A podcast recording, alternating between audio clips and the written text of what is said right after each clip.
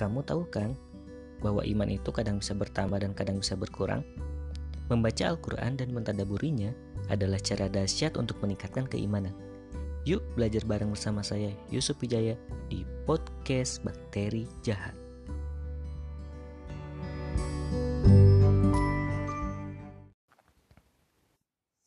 Assalamualaikum warahmatullahi wabarakatuh. Kembali lagi bersama saya Yusuf Wijaya di podcast Bakteri Jahat episode uh, 21. Kita akan ngebahas uh, bab terakhir dari kitab Tauhid ini adalah bab tentang keagungan dan kekuasaan Allah.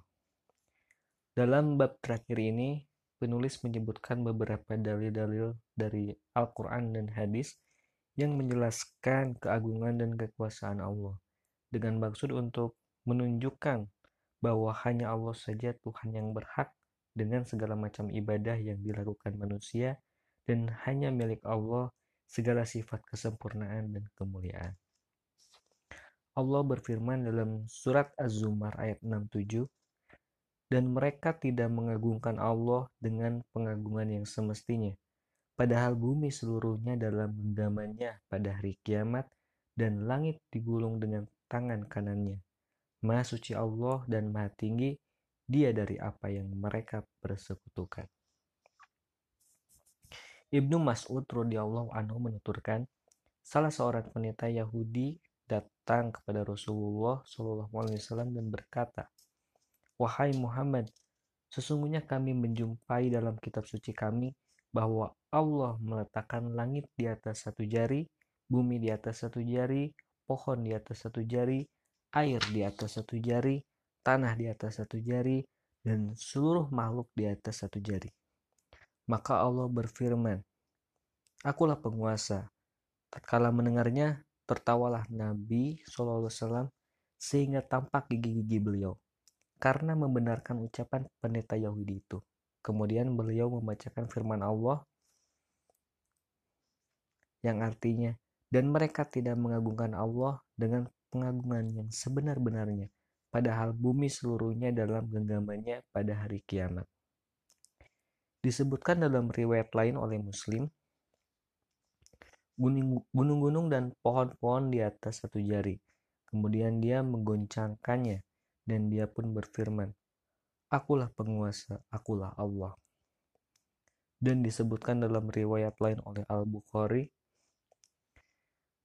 dia meletakkan semua langit di atas satu jari, air serta tanah di atas satu jari, dan seluruh makhluk di atas satu jari.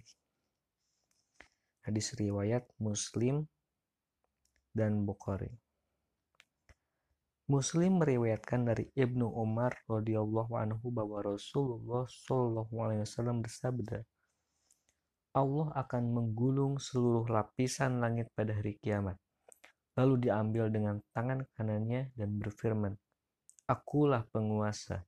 Mana orang-orang yang berlaku dalim? Mana orang-orang yang berlaku sombong? Kemudian Allah menggulung ketujuh lapis bumi, lalu diambil dengan tangan kirinya dan berfirman, Akulah penguasa. Mana orang-orang yang berlaku zalim? Mana orang-orang yang berlaku sombong? Diriwayatkan dari Ibnu Abbas. Ia berkata, Tidaklah langit yang tujuh dan bumi yang tujuh di telapak tangan Ar-Rahman, melainkan bagaikan sebutir biji sawi yang berada di tangan seseorang di antara kamu. Ibnu Jarir berkata, Yunus menuturkan padaku dari Ibnu Wahab, dari Ibnu Zaid, dari bapaknya Zaid bin Aslam, yang menuturkan Rasulullah SAW bersabda, Tidaklah ketujuh langit itu berada di kursi melainkan bagaikan tujuh keping dirham yang diletakkan di atas perisai. Ibnu Jarir berkata pula, Abu Dzar radhiyallahu an menuturkan, Aku mendengar Rasulullah SAW bersabda, Tidaklah kursi itu berada di arsi, melainkan bagaikan sebuah gelang besi yang dicampakkan di tengah padang pasir.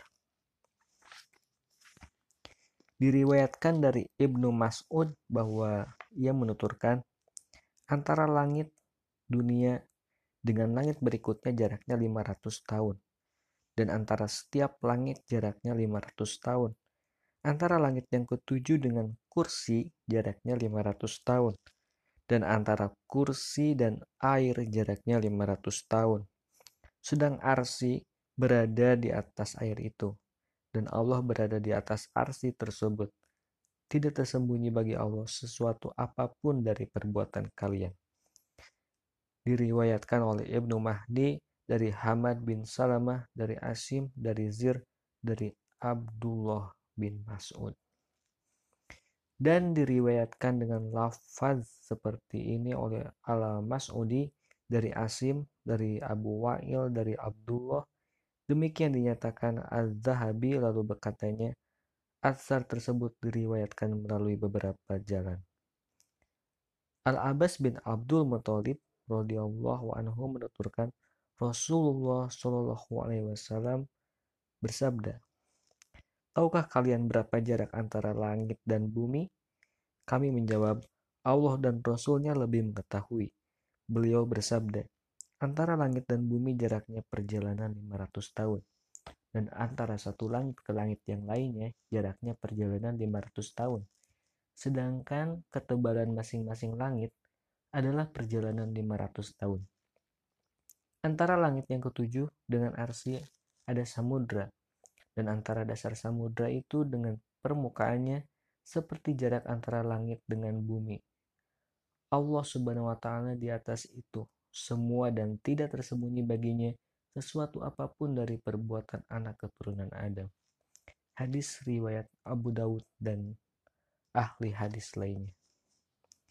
Jadi kandungan pada bab ini adalah yang pertama tafsir ayat tersebut di atas Ayat ini menunjukkan keagungan dan kebesaran Allah Subhanahu wa taala dan kecilnya seluruh makhluk dibandingkan dengannya. Menunjukkan pula bahwa siapa yang berbuat syirik berarti tidak mengagungkan Allah dengan pengagungan yang sebenar-benarnya. Poin yang kedua adalah pengetahuan-pengetahuan tentang sifat Allah Subhanahu wa taala sebagaimana terkandung dalam hadis pertama masih dikenal di kalangan orang-orang Yahudi yang hidup pada zaman Rasulullah SAW, mereka tidak mengingkarinya dan tidak menafsirkannya dengan tafsiran yang menyimpang dari kebenaran. Poin yang ketiga, ketika pendeta Yahudi itu menyebutkan pengetahuan tersebut kepada Nabi SAW, beliau membenarkannya dan turunlah ayat Al-Quran menegaskannya. Poin yang keempat, Rasulullah SAW tertawa tatkala mendengar pengetahuan yang agung ini disebutkan oleh pendeta Yahudi. Poin yang kelima, disebutkan dengan tegas dalam hadis adanya dua tangan bagi Allah dan bahwa seluruh langit diletakkan di tangan kanan dan seluruh bumi diletakkan di tangan yang lain pada hari kiamat nanti. Poin yang keenam, dinyatakan dalam hadis bahwa tangan yang lain itu disebut tangan kiri. Poin yang ketujuh, disebutkan keadaan orang-orang yang berlaku lalim dan berlaku sombong pada hari kiamat. Poin yang kedelapan, dijelaskan bahwa seluruh langit dan bumi di telapak tangan Allah bagaikan sebutir biji sawi yang diletakkan di telapak tangan seseorang. Poin yang kesembilan, besarnya luasnya kursi dibanding dengan langit. Poin yang kesepuluh, besarnya atau luasnya arsi dibandingkan dengan kursi. Poin yang ke-11, arsi bukanlah kursi dan bukanlah samudra. Poin yang ke-12, jarak antara langit yang satu dengan langit yang lain adalah perjalanan 500 tahun. Poin yang ke-13, jarak antara langit yang ketujuh dengan kursi adalah perjalanan 500 tahun.